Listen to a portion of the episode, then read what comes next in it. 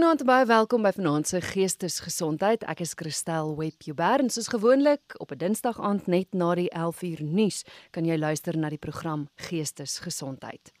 Vanaand gesels ek weer met die sielkundige Lorika Fik. Ons het so rukkie terug gesels oor nageboorte depressie en aan die einde van die gesprek het ons gepraat oor die fantasie en werklikheid as dit kom by geboorte, swangerskap, hoe om kinders groot te maak. Wat is die waarheid? So vanaand gaan ons oor die waarheid gesels. Lorika, baie welkom weer op Geestesgesondheid. Dankie Christel, ek's baie opgewonde om weer met jou oor oor belangrike sake rondom ouerskap en mamma en pappa word te gesels. Hierdie program is in 'n mate vir my voorkomend want ons het nou in die vorige gesprek gekyk na die die absolute effek wat wat nageboorte depressie kan hê en jy het ook genoem dat dikwels is dit omdat mens nie voorberei is op wat met jou gaan gebeur nie. Vanaand kyk ons na hoe om jouself voor te berei sodat dit keer dat jy wel dalk in 'n depressie verval of dalk nie weet wat die volle waarheid is nie. Verstaan ek dit reg as ek so daarna kyk? Definitief. Ek vind en ek het so baie gesprekke met mense, vriende, familie van my ook wat vir, wat vir mense sal sê maar dit was glad nie wat ek gedink het dit gaan wees nie. En um, iemand het my nou die dag gevra maar hoe berei jy voor daarvoor? En ek dink tot 'n groot mate het dit maar bietjie te doen met om die om die worst case scenario van 'n ding raak te sien en jouself daarvoor voor te berei, maar ook om baie eerlik te wees oor jou emosionele proses van ouerskap word. Um, ek weet in baie uh sirkels en baie samelewings het ons nie lê ons nie baie klem op die emosionele effek van iets nie maar tog is mense emosies konstant deel van alles wat ons doen van alles wat ons beleef van alles wat ons aanpak. So dan as ons die emosies in hierdie opsig ook probeer ignoreer, dan word daai emosies ontstel en dan manifesteer hulle op maniere wat geen mens verstaan nie en dan wonder jy maar wat op dese orde het ek myself nou hiervoor ingelaat. So dis absoluut wat dit is, is om jouself kognitief doelbewus voor te berei vir wat dit is om 'n ouer te word, maar ook wat dit regtig is om 'n ouer te word. Hmm. Ek vra daai vraag so baie in my praktyk, maar wat gaan regtig hier aan? Ons praat vreeslik simptomaties oor dinge, maar ons praat nie eintlik oor die regte probleem wat ter sprake is nie. En dit is verskriklik belangrik dat ouers hulle self voorberei vir wat ouerskap regtig is en nie wat die samelewing vir ons probeer sê dit moet wees of wat ons dink dit vir ons sal beteken nie. Ek en my ma spot altyd so dan sê ek vir haar, "Hoekom het ma nie voor die tyd vir my gesê dis so moeilik om kinders te kry nie?" En haar antwoord is altyd, "Want dan sou jy nooit kinders gehad het nie." So, um, ja. Wel, so ek ek wil aan die begin van die program sê, as jy nie die waarheid wil hoor nie, moet jy eerder nou afskakel.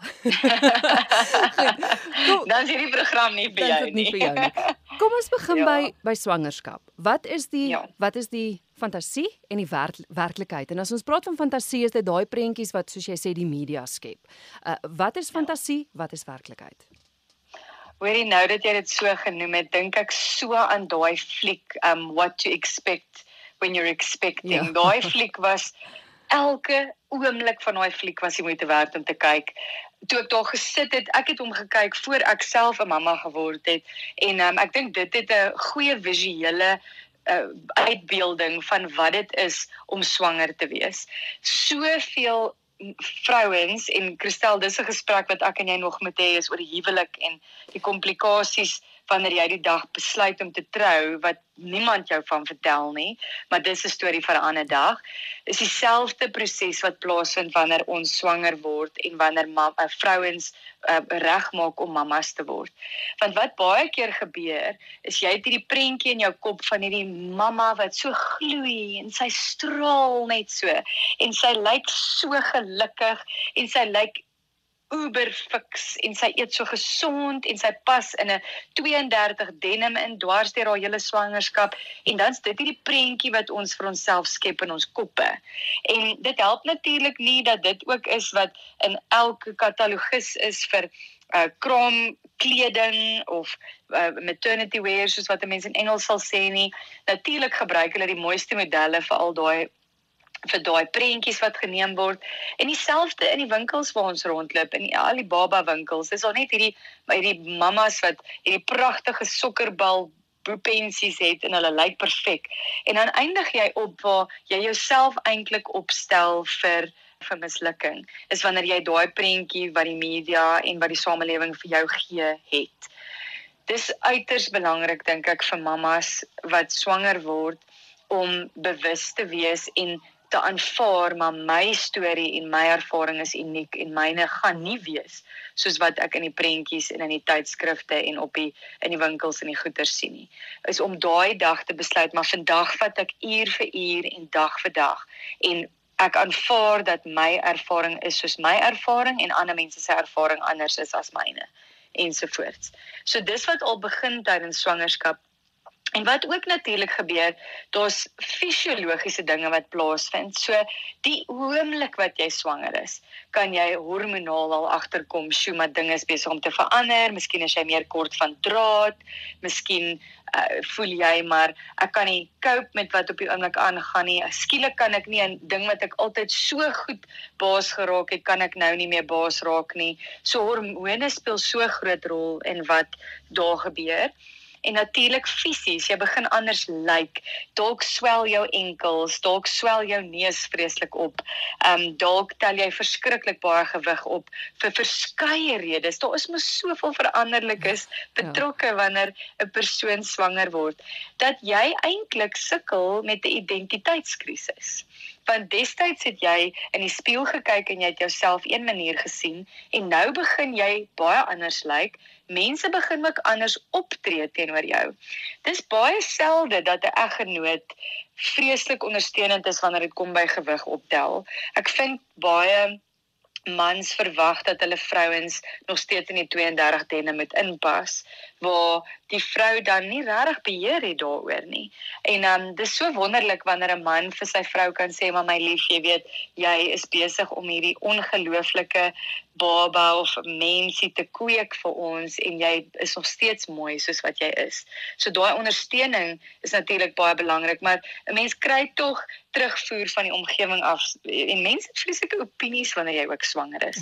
So wanneer jy nou raak ons op 'n bietjie nou gaan ek bietjie van 'n dienspad met ons topik vandag, maar wanneer jy alreeds sukkel met jou selfbeeld, kry jy daai boodskappe van die omgewing vreeslik diep. Dit raak jou baie diep. So as jou man vir jou sê, "Sjoe, jy weet jy jy tel bietjie baie gewig op nou tydens jou swangerskap of enigiemand sê dit vir 'n mens, jou ouers of vriende of familie of kollegas, dan internaliseer 'n mens as mamma dit en dit affekteer jou tydens jou swangerskap. En natuurlik jou brein ontwikkel uh, ter voorbereiding van ouerskap. So jy sukkel nie net met 'n identiteitskrisis fisies en emosioneel nie, want ook wat beteken dit om nou mamma te word, maar ook jou brein begin jou voorberei hiervoor. Ek weet baie mamas sukkel, hulle slaap verskriklik sleg tydens swangerskap, wat jou natuurlik voorberei vir wanneer jy die dag wanneer baba nou kom en jy nou elke 3 ure of wat ook al met wakker word of baba word wakker en jy met ondersteuning bied daarso.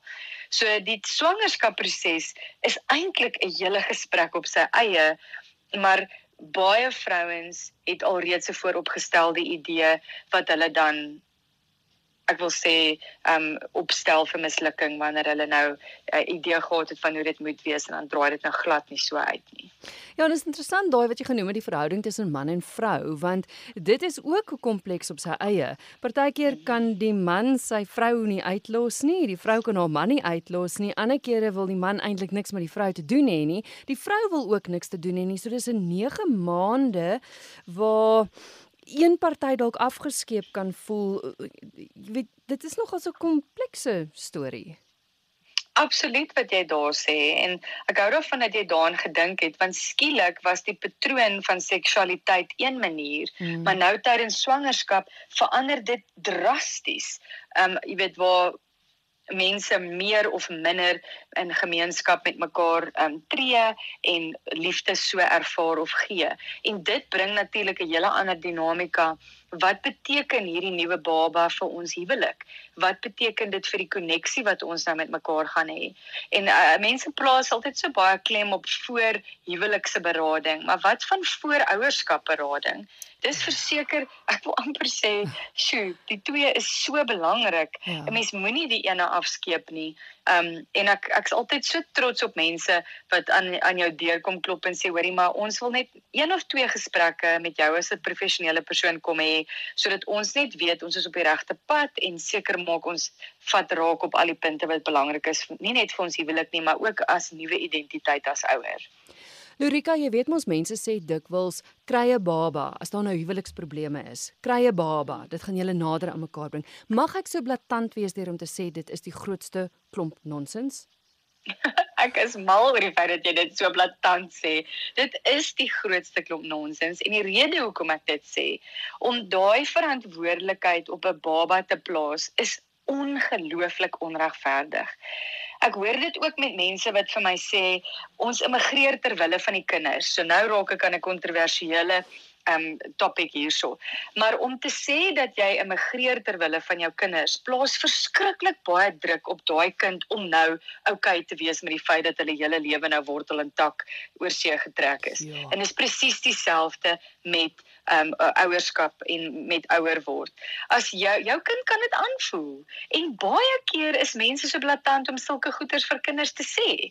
Jy weet, jy is die rede dat dat ek en pappa nie oukei okay is met mekaar nie of jy is die rede dat ek en mamma nie meer connect soos wat ons gedink het ons het of moet um connect soos wat ons gedink het ons gaan nie.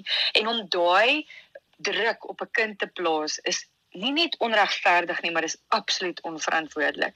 En kinders, en ek en jy gaan nou uh, binnekort oor dit praat oor bewuste ouerskap waar uh, kinders se radar is ultra sensitief en hulle let op elke mikroproses wat plaasvind fisies in jou lyf maar ook in jou in jou jou taal gebruik en die manier hoe jy praat en alles. Hulle is absoluut ingestel daarop.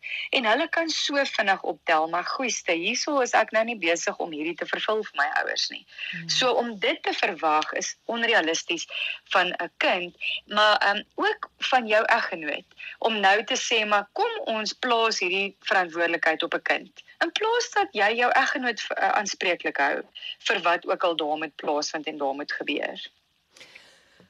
Goed, dis swangerskap. Ek dink ons kan nog vele gesprekke daaroor hê soos jy gesê het. Kom ons gaan mm. gou na geboorte, die fantasie en werklikheid daar rondom. Ja, so die geboorteproses is vir baie mense 'n uh, 'n sensitiewe uh ding om oor te gesels want ek dink baie mammas het hierdie prentjie in hulle koppe dat hulle 'n watergeboorte gaan hê en daar gaan 'n doula langs hulle sit en daar gaan 'n engeltjie sing in die hoek van die kamer en die volgende oomblik gaan daar 'n pynlose proses plaasvind waar 'n baba uit uitklim en dan is alles oukei. Okay. En daai prentjie dink ek skep die media vir mam, vir mammas en vir swanger vrouens, maar ek dink ook die vorige generasie het baie daarmee te doen. Ek meen ons uh, ma's en pa's kom uit 'n baie ander era uit en ons oumas en oupas kom ook uit 'n baie ander era uit. En in daai era was dit die norm om 'n uh, uh om vroedvrouens te hê wat daai ondersteuning bied. Vandag het ons weet die mediese wetenskap wat baie verwesters geword het waar ons ginekoloog gaan sien vir 9 maande voor die geboorte. Daar's 'n vreeslike mediese proses betrokke. Vir baie ma's is daar al komplikasies tydens die swangerskap. So daai het ons nie eers aangeraak met die vorige gesprek nie, maar waar 'n ma hierdie idee dat sy swanger word en 9 maande later kom daar baba en daar's absoluut geen opdraandes in die proses nie. Maar wat as 'n ma nou hier halfpad deur preeklampsia ontwikkel of placenta previa ontwikkel en skielik is daar 'n hele ander paadjie wat nou gevolg word. Um 'n wyse persoon het eendag vir my gesê wees baie aanpasbaar oor jou geboorteplan hmm. maar wees glad nie aanpasbaar oor die feit dat jy 'n ma wil wees of 'n pa wil wees en wat jy wil beteken vir jou kind nie daai dink ek moet 'n mens nogal vasgestel hê voor die tyd. Maar jou geboorteproses kan ook in 'n oogwink verander. Ek ontmoet so baie mammas wat sê, jy weet, hulle het hierdie behoefte gehad om vaginaal geboorte te gee en dan vir wat ook al rede was daar 'n noodkeiser wat plaasgevind het en nou tydens COVID tye kon haar man of haar haar uh, eggenoot nie eers by haar wees in die hospitaal nie. En daai trauma wat dan plaasvind, die trauma en ek gaan dit in Engels sê PTSD is the real or perceived experience of death Nou die dood is nie noodwendig die dood van lewe nie, maar dit kan ook die dood van 'n idee wees. So trauma vind dan plaas wanneer iemand hierdie idee in hulle koppe gehad het van hoe dit gaan wees en dan is dit glad nie so nie en skielik moet hulle nie net aanpas by die feit dat daar nou 'n baba is nie, maar hulle moes ook aanpas met hulle denke oor hoe die baba in die lewe gebring gaan word, hoe die baba nou 'n deel gevorm het van ons lewens. So daai geboorteproses is verskriklik moeilik dink ek vir baie mense om van sin te maak. En ag jy hoor so baie van mammas wat dan sê maar okay, nou met my tweede baba wil ek nou wat ek dink baie mense van praat natuurlik geboorte gee. Hmm. En dan is daar natuurlik komplikasies van 'n VBAC van um vaginal birth after cesarean of wat ook al en dan is daar baie ginekoloë weet ek ook wat glad nie jou dan as pasiënt wil aanvat nie want die risiko's is net te hoog. Jy weet terloops ook um, ek dink baie mense besef nie maar baie ginekoloë betaal oor 'n miljoen rand 'n jaar aan hulle mediese versekerings. Dit is 'n ongelooflike groot bedrag geld.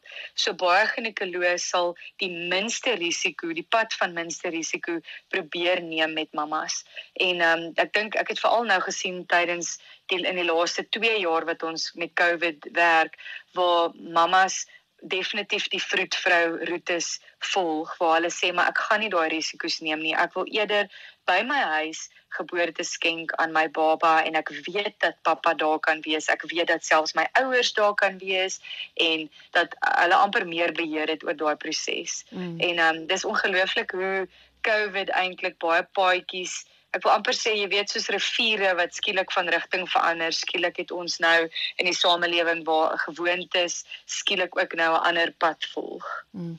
Ek dink nog 'n ding is is die samelewing waarin ons is waar daar so geweldig baie opinies is.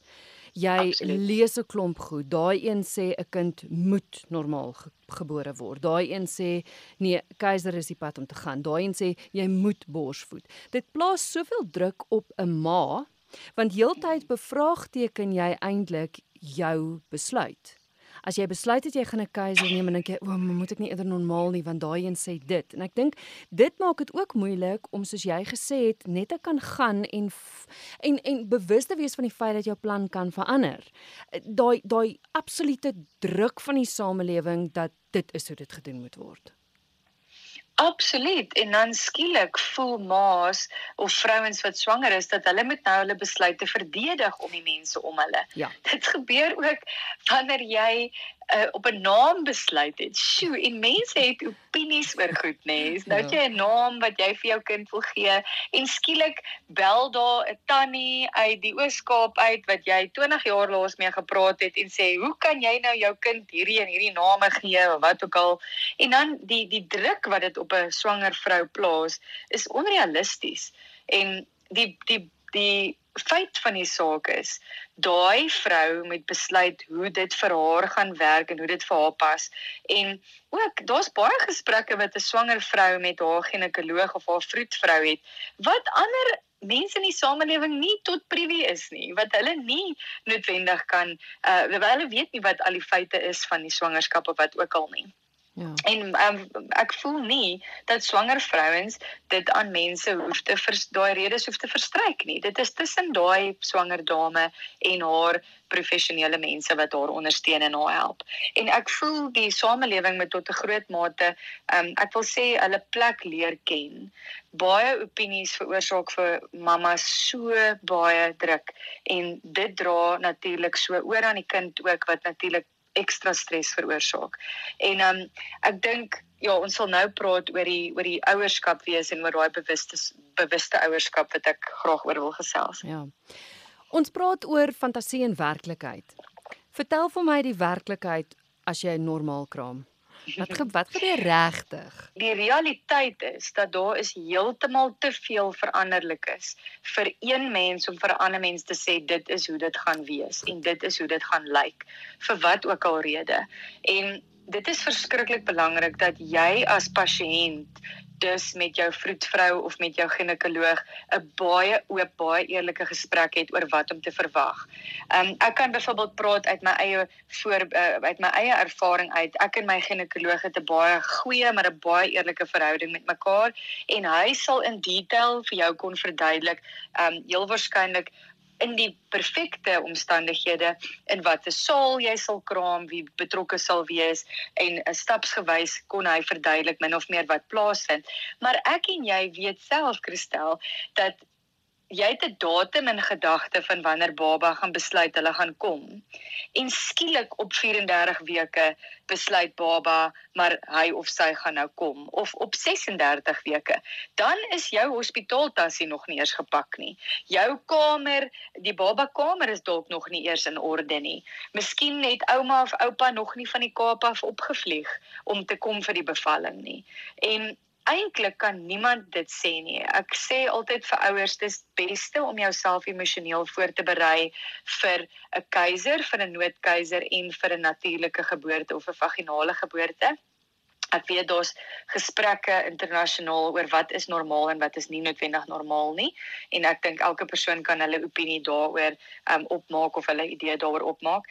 Maar dit is belangrik dat jy ook vir jouself net ek wil sê vrede maak met indien hierdie die paadjie is wat moeder natuur vir my gekies het, voel ek daar ABC is vir my belangrik. Indien die um, die ander paadjie is wat gekies is, dan is ABC vir my belangrik.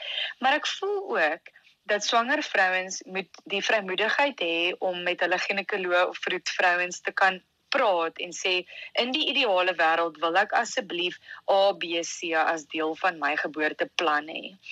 En jy moet jouself afvra, as jy nie veilig voel om vir jou ginekoloog of vroedvrou hierdie gesprek te hê nie, dan moet jy jouself afvra, maar is jy regtig dan by die regte persoon? Is jy by die regte ginekoloog? Is jy by die regte vroedvrou? En sal hulle my ernstig opneem? Ehm um, daar's soveel baie so baie gesprekke deesdae veral aanlyn ehm um, waar hulle praat oor mishandeling tydens die uh, wat is die die geboorteproses. Ja. En waar um, prof, mediese professionele mense skielik nie luister vir wat die ma se behoeftes is nie, waar die ma nie gekonsent het uh, in terme van sekere uh, prosesse wat gevolg word nie. Um ek jy meen mense hoor vreeslike stories van uh, mediese dokters en so aan wat net namens die ma besluit te neem terwyl die geboorteproses aan die gang is. En dan voel daai vrou of soveel van haar ontneem is wanneer baba gekom het. Dit is moeilik genoeg om 'n mamma te word. Nou moet jy nog met daai komplekse situasies werk waar jy voel jy net maar ek was ontneem van my eie besluitneming. Ek kon nie beheer uitoefen oor my eie liggaam nie ensovoorts. So vra jouself af, is jy by die regte mens? Is jy by die regte ginekoloog of vroedvrou of nie? En indien wel, ons leef in Suid-Afrika, daar's baie opsies. Gaan en gaan soek iemand waar jy veilig voel en wat bereid is om jou en jou behoeftes ernstig op te neem. So verstaan ek reg, jy moet jy moet al die maniere ondersoek want jy weet nie watter een gaan gebeur nie, maar jy moet ook al die vrae vra deur om te sê as ek normaal sou kraam, wat behels dit? Ek het nou nie normaal gekraam nie, so ek weet nie, maar sover ek weet, het is dit gaan meestal gepaard met baie pyn. Ehm um, jy weet dat jy daai feite dat iemand vir jou kan sê dit is fisies ook wat gaan gebeur sou dit die pad wees wat jy stap. Ja. En jy weet ek dink baie mense sal dalk nie met my saamstem dat jy die verskeie opsies moet oorweeg nie. Maar daar's soveel keer wat 'n mens met 'n mamma praat wat net sê, "Jemal, ek wens net ek het gaan huiswerk doen oor wat 'n keiser behels." Ek wens dit ek het gaan huiswerk doen oor wat 'n noodkeiser behels. Hmm. Skielik as jy byvoorbeeld vir wat ook al rede jouself in die ongevalle by die hospitaal bevind en hulle vind dat jou baba se um, hartklop is nie uh, in die regte ritme nie of uh, hulle hulle sats is besig om te val of wat ook al, dan skenk jy geboorte met mense wat jy glad nie ken nie. Miskien is jou ginekoloog nie eers dan by die by die hospitaal nie. Miskien is jou vroedvrou nie dan beskikbaar om te kom om jou te kom ondersteun nie. Ja. En dan um, dit is goed dat jy dan vir jouself vrede maak en sin maak, maar wat beteken hierdie geboorteproses vir my as mens? En nie vir die feit dat ek met my ginekoloog 'n spesifieke band of met my vroedvrou het en daai is 'n onveranderlike veranderlike wat ek nie bereid is om mee sin te maak nie. Hmm. Dis interessant dat jy nou noem van van as daar nou lae hartklopie of iets sal wees. Dit gebeur dikwels ook dat mense 'n prentjie het van goed, ek kry 'n keiser of normaal geboorte en en dit gaan goed, die plan verloop so ver goed, maar dan kom die baba uit en dan sal komplikasies, dis of 'n prem baba of soos jy sê daar is een of ander gesondheidsprobleem en daar moet miskien dalk dadelike operasie gedoen word. Ja, uh, dis 'n een ding wat ek weet vroue nogals bietjie eintlik man en vrou gooi want jy het 'n sekere idee gehad van ek gaan dadelik baba op my bors kan neersit en ons gaan oukei okay wees en dan is baba nie oukei okay nie. Absoluut Christel wat jy daar sê is so waar. Ehm um, ek kan uit my eie ervaring uit praat. Toe my oudste gebore is, het ons uh, eintlik 'n baie goeie geboorteproses gehad. Ek het myself emosioneel vir alles voorberei.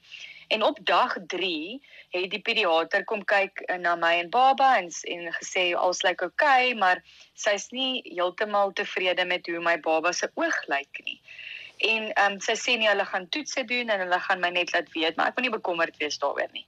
En ek onthou iets soos 2 of 3 ure later het hierdie pediater voor my kom sit en sy het vir my sy oh, ek kon sien haar mond maak oop en sy sê vir my jou baba gaan vir die volgende week in die NICU wees, maar ek kon glad nie hoor wat hierdie vrou vir my sê nie.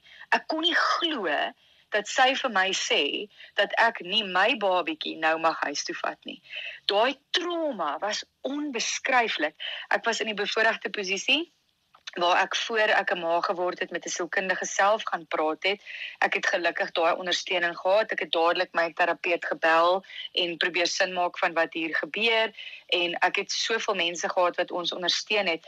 Maar om daai dag by daai hospitaal weg te gery het en daai karstoeltjie in die agtersitplek was leeg was was by ver en ek het hoendervleis soos ek hier sit en dit vir jou vertel. Ek kan dit onthou soos gister.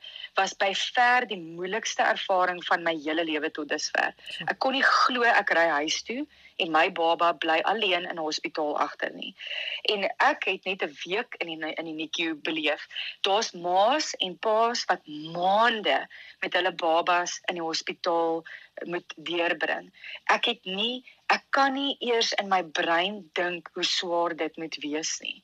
En um, ek wil graag hierdie storie deel want ek dink daar's baie ouers wat nie hulle praat nie oor daai ervaring wat hulle gehad het met hulle uh, babas wat in die hospitaal agtergebly het nie en hoe swaar dit is.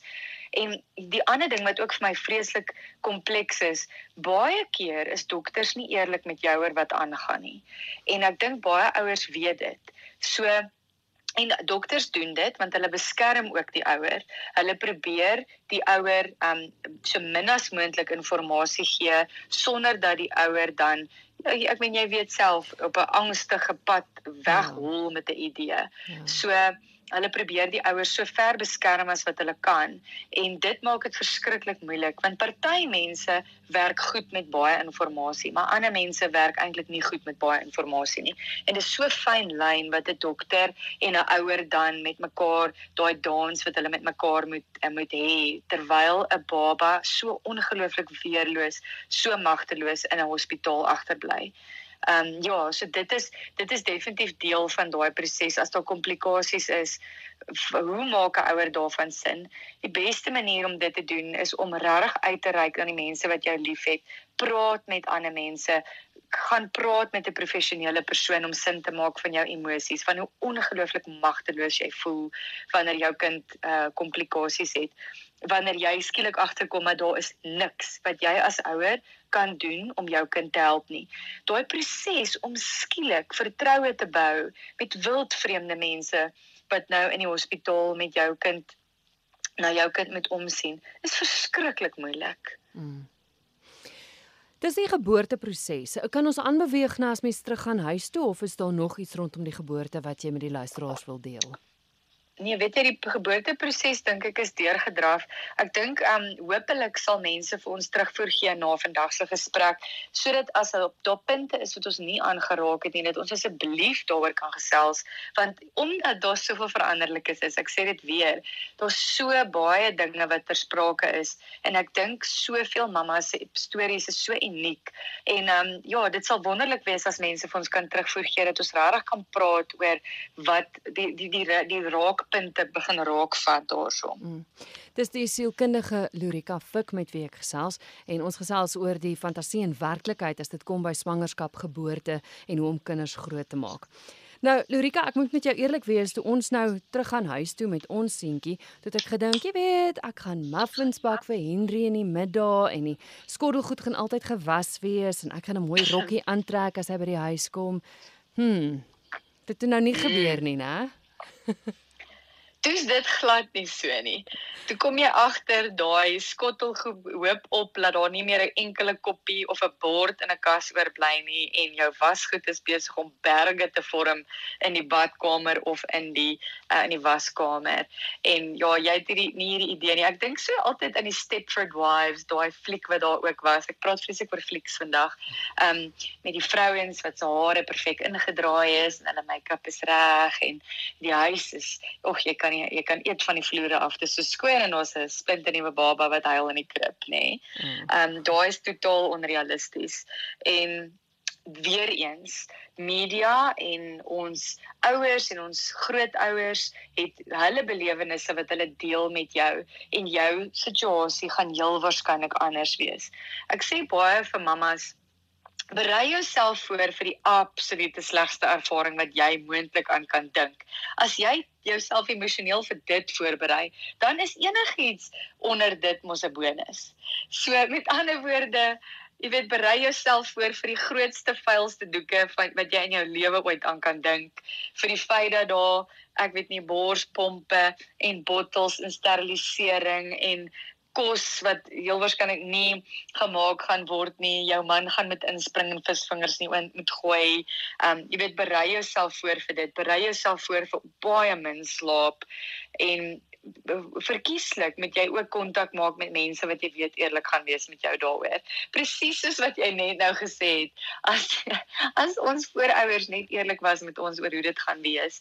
Ek dink wel daar is voorouers wat bereid is om eerlik te wees want hulle het so swaar gekry en hulle wil nie hê dat hulle kinders dieselfde proses moet deurmaak nie. En Christel, ek en jy weet self, selfs al was mense baie eerlik, het sou ons heel waarskynlik in elk geval ouers geword het. So, um met ouerskap en hierdie is 'n is 'n gesprek wat ek graag wil hê ons ook moet isoleer en miskien 'n hele gesprek hê op 'n ander dag, maar daar's 'n nuwe konsep in die sielkunde en daar's 'n spesifieke 'n professionele persoon in Amerika, Dr. Shefali. Sy het begin met hierdie proses en sy het onder andere was sy op Oprah gewees en sy het 'n heel hele klomp boeke geskryf, maar ek het toevallig haar meestersklas geluister aanlyn en dit het nogal baie geresoneer met my kennis in in my in my boeke maar ook in hoe ek sien ouers met hulle kinders omgaan en hoe daardie dinamika manifesteer tussen ouer en kind.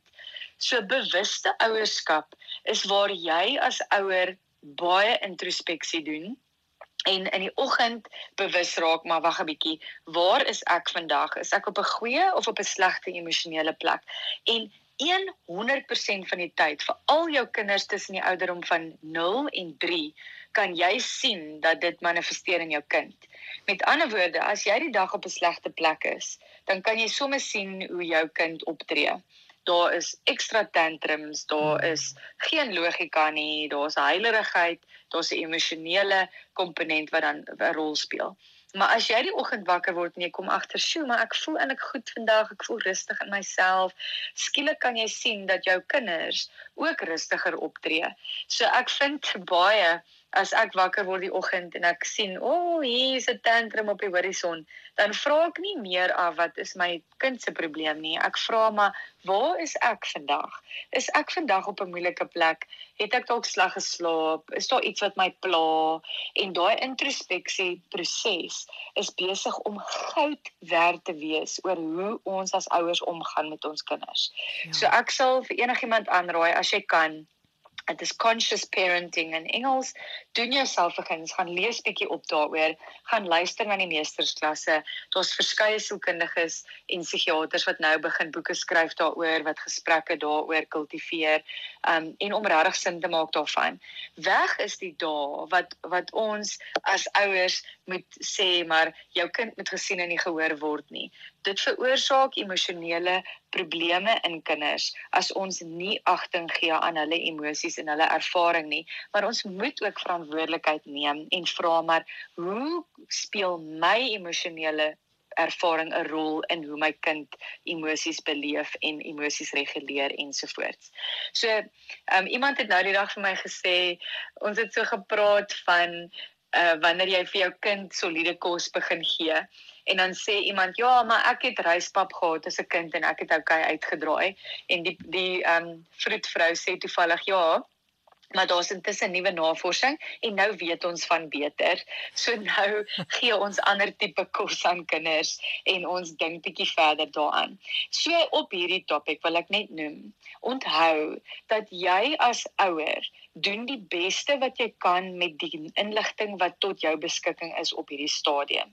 Asseblief moenie jouself nou gaan verwyd as jy iets nuuts op die radio of in 'n meestersklas leer dat ag hemel, ek het nou verwyd jouself dat ek moes nou beter gedoen het van tevore nie. Ek glo dat ouers doen die absolute beste wat hulle kan met die inligting tot hulle beskikking. As jy nou iets nuuts leer, doen nou net beter in die in die toekoms. Moet jouself nie verwyd vir die prosesse wat eh, voorheen betrokke was in jou lewe nie.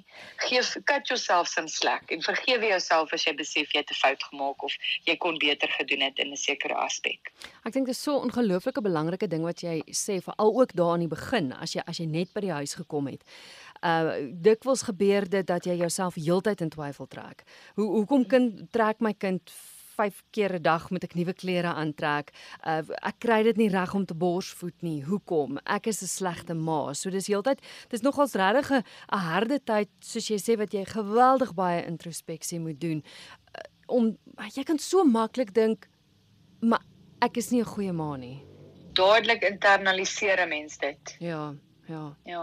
Jy weet in so terloops op die hele borsvoeding ding, jy weet, um ek dink baie mense, dis ook 'n baie kontroversiële gesprek. Baie mense is sê fed is best. Ander mense um dring absoluut aan daarop dat 'n kind gebors moet voed moet word, maar dit is so 'n persoonlike proses tussen 'n mamma en 'n baba. Um ek dink baie eggenote plaas ook baie druk op hulle uh, vrouens, weet ter wille van uh, wat wat wat die beste is vir die kind en wat nie is nie.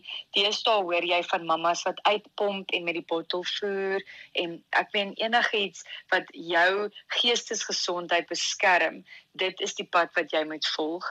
Um ek sien so baie mammas wat die borsvoedproses probeer druk en dit veroorsaak dat hulle in so slegte emosionele plek beland. En ek gaan nou weer aanraak op die bewuste so die bewuste ouerskap dat wanneer so iets jou in soveel emosionele krisis dompel, moet jy jouself afvra, maar is dit die moeite werd? Doen ek nie eintlik nou meer skade aan my kind en my geestesgesondheid deur om aan te dring op iets wat regtig nie werk vir ons twee nie? Ons moet praat oor gestremdheid of as daar erge gesondheidsprobleme is. Dikwels en ek weet in in ons geval was dit jy te en ek dink is met enige ouer jy het 'n sekere prentjie daai prentjies waarvan ons van die begin gepraat het. Prentjie rondom swangerskap rondom geboorte rondom om my kind groot te maak. Uh, jy droom drome van hoe jou kind gaan rugby speel van hoe jou kind met jou eendag gaan praat. Daar's sekere prentjies en ek weet een van die grootste dinge wat ek en Henry moes doen die dag toe ons uitvind Lukas is op die autisme spektrum en dat hy nie neurotipies is nie, was om daai prentjie boek wat ons gehad het weg te gooi en 'n nuwe prentjie boek te begin. En dis nogal se dis nogal so groot ding want ons is mense met prentjies. Ons is mense met sekere verwagtinge en gebeur dit nie, dan tref dit ons hart.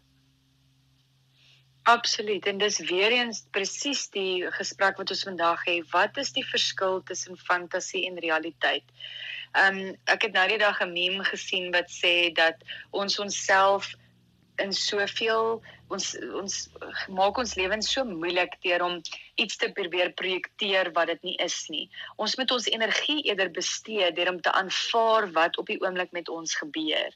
En daai aanvaardingsproses is verskriklik moeilik veral wanneer jy 'n kind het wat nou soos jy sê nie, nie neurotipies is nie wat dalk op 'n spektrum beland wat dalk een of ander neurokognitiewe probleem ervaar en jy moet dan jou hele identiteit as ouer herskryf. Jy moet jou storie, die narratief moet jy heeltemal verander. Jy moet skielik vir jouself vra maar hoe gaan ons nou hierdie boek inkleer? Soos wat jy gesê het, jy het die boek heeltemal uitgegooi. Miskien 'n nuwe boek gaan koop in jou gedagtes of die ou boek se prentjies uithaal en nuwe prentjies daarin sit. 'n Mens moet baie attent wees op wat jy binne in jou toelaat.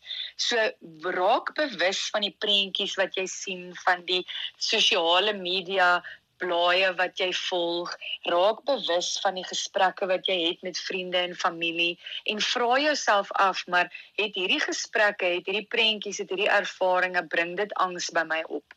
En indien dit angs by jou opbring, begin grense stel. Um moenie die blaaie volg wat jou laat sleg voel oor jouself as 'n ouer nie. Hou op om dan gesprekke te voer met mense wat jy nie by veilig voel nie, wat jy voel hulle idees op jou afdwing. En ehm um, ons moet ook net vir onsself sê dat baie selde sal mense hulle slegte ervarings met jou deel. En onthou ook, die brein is so ingestel. Hy probeer nie die slegte ervarings onthou nie. So dis nie noodwendig dat iemand probeer lelik wees met jou of jou probeer benadeel nie, maar hulle onthou dalk nie daai slegte ervarings nie. Baie keer is mense in baie ontkenning oor die slegte ervaring. Ek sal so baie met mense praat wat vir my sê, die een persoon sal sê maar ek het dit ABC beleef. En dan kom iemand van 'n ander perspektief af en sê, hoor iemand, dit is absoluut glad nie hoe dit gebeur het nie. En dan gaan hierdie twee mense op 'n proses om te gaan uitfigure maar wat het gebeur in die geskiedenis regtig. En jy kan gaan na jy kan die navorsing gaan lees. Die brein is absoluut ingestel om aan jou die weergawe te gee wat jou pas, wat jou samelewing pas en dis alster uh wat is die woord um uh om te oorleef. Dis alster oorlewing van jou.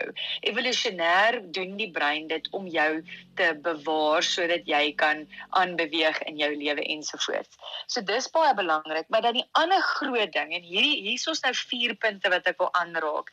En ek wil enige ouer of jy nou 'n ouer gaan word of jy alreeds 'n ouer is en of jou ouers al groot is, wil ek baie graag hê dat mense vir hulle self gaan afvra, hoekom het ek 'n ouer geword? Nou, hierdie is ook baie kontroversieel en ek dink dit is vir baie mense moeilik om hierdie gesprek met hulle self te hê. Maar as jy mooi gaan sit en dink, is daar eintlik nie 'n onselfsugtige rede om 'n ouer te word nie. En mense kan my met liefde challenge op hierdie gesprek, maar dis baie belangrik dat jy as ouer baie eerlik is met jouself oor hoekom jy 'n ouer geword het. Is dit omdat jy vervulling soek by jou kind? Is dit omdat jou kind jou huwelik moet red? Is dit omdat jy betekenis in jou lewe wil hê? En daai vrae moet jy jouself afvra. Hoekom wil ek 'n ouer word? Want dit gaan elke besluit wat jy vandag en môre en die volgende dag neem, gaan dit wat sê woord govern. Dit gaan jou besluitneming voer, dit gaan jou besluitneming dryf. Want wanneer jy besef jy het ouer geword om 'n behoefte wat jy het te bevredig, dan skielik gaan jy nie jou kinders aanspreeklik hou vir jou huwelik, vir jou eie betekenis in jou lewe, vir jou eie vervulling nie. Jy gaan jou kind as individu buite jouself kan sien, hulle sodoende waardeer en ook vir hulle toelaat om te word wie hulle of wat die Here of wat hulle bedoeling is in die lewe toelaat om daai voort te bou en jy gaan hulle ondersteun daarin. En ek sien dit vreeslik baie in ouers wat sê my kind moet 'n dokter word of my kind moet 'n prokureur word of my kind moet 'n rekenmeester word. Vra jouself af, maar is dit jy wat jou eie behoefte daardeur probeer vervul of gaan jy jouself toelaat dat jou kind kan word wie hulle moet word en gelukkig kan wees binne in hulle self? Ek dink wat ek saamvat uit vandag se gesprek uit is berei jouself voor vir enige iets wat kan gebeur, maar ek dink in plaas van om 'n prenteboek wat reeds prentjies in het saam te stel, kry 'n boek en plakkie prentjies in soos dit gebeur. Oh, wat jy daar gesê het is so mooi. Ek stem absoluut daarmee saam. Maak die bladsye skoon en oop en vat 'n ding soos hy is en dan plak jy die prentjie daar binne. Lurika, altyd lekker om met jou te gesels. Hoe maak luisteraars as hulle met jou in verbinding wil tree? Waar kan hulle jou volg of aan die hande kry? So ek het 'n Instagram bladsy, um Better Mom en ek het ook 'n Facebook bladsy. Dit is ook Better Mom Today dis waar ek baie eerlike gesprekke voer oor ouerskap en wat dit regtig beteken en wat dit nie beteken nie. Ek sal mense regtig aanraai om met my dae in gesprek te tree. Ehm um, volgens wet mag ek nie enige mediese advies en so aan via e-pos vir enigiemand gee nie. So as jy daar 'n gesprek wil voer, is jy baie welkom. Dit sal natuurlik ook baie mense van toepassing wees. Ek moedig mense regtig aan want daar's soveel keer mammas en pappas wat bang is om vrae te kom vra. So dalk lees iemand iets 'n ding raak wat jy gesê het of gevra het en dit kan dalk hulle lewens verander. So asseblief kom gesels met my op Facebook en Instagram onder Bettermam en um, ek het ook 'n e-pos dis hello@bettermam.today. So as iemand my daar wil e-pos, is hulle ook welkom net sodat hulle weet dat uh, ja, dis vir my lekker om met mense in verbinding te wees op sosiale media en so aan. Dit is die sielkundige Lurika Fik met wie ek gesels het. Ek is by cwebjuber@gmail.com. Tot ek en jy weer saamkuier, mag dit met jou goed gaan.